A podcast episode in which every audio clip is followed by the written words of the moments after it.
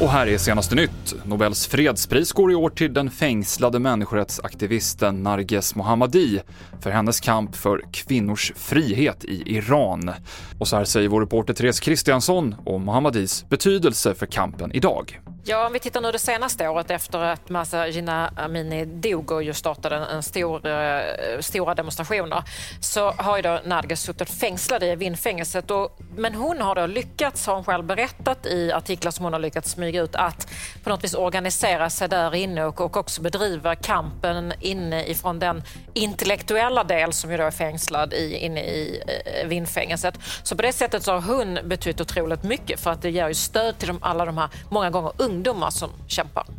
En 19-årig man har blivit häktad misstänkt för att ha skjutit ihjäl en man i Vasastan i Stockholm i september. Mannen har nyligen också häktats för inblandning i ett mordförsök i Uppsala. Och för fjärde gången den här veckan sänker mackarna drivmedelspriserna och dieseln kostar nu under 25 kronor litern.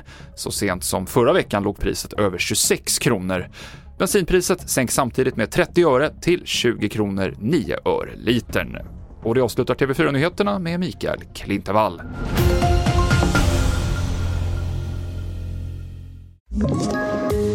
Poddtips från Podplay. I fallen jag aldrig glömmer djupdyker Hasse Aro i arbetet bakom några av Sveriges mest uppseendeväckande brottsutredningar. Går vi in med hemlig telefonavlyssning och, och då upplever vi att vi får en total förändring av hans beteende. Vad är det som händer nu? Vem är det som läcker? Och så säger han att jag är kriminell, jag har varit kriminell i hela mitt liv men att mörda ett barn, där går min gräns. Nya säsongen av Fallen jag aldrig glömmer på Podplay.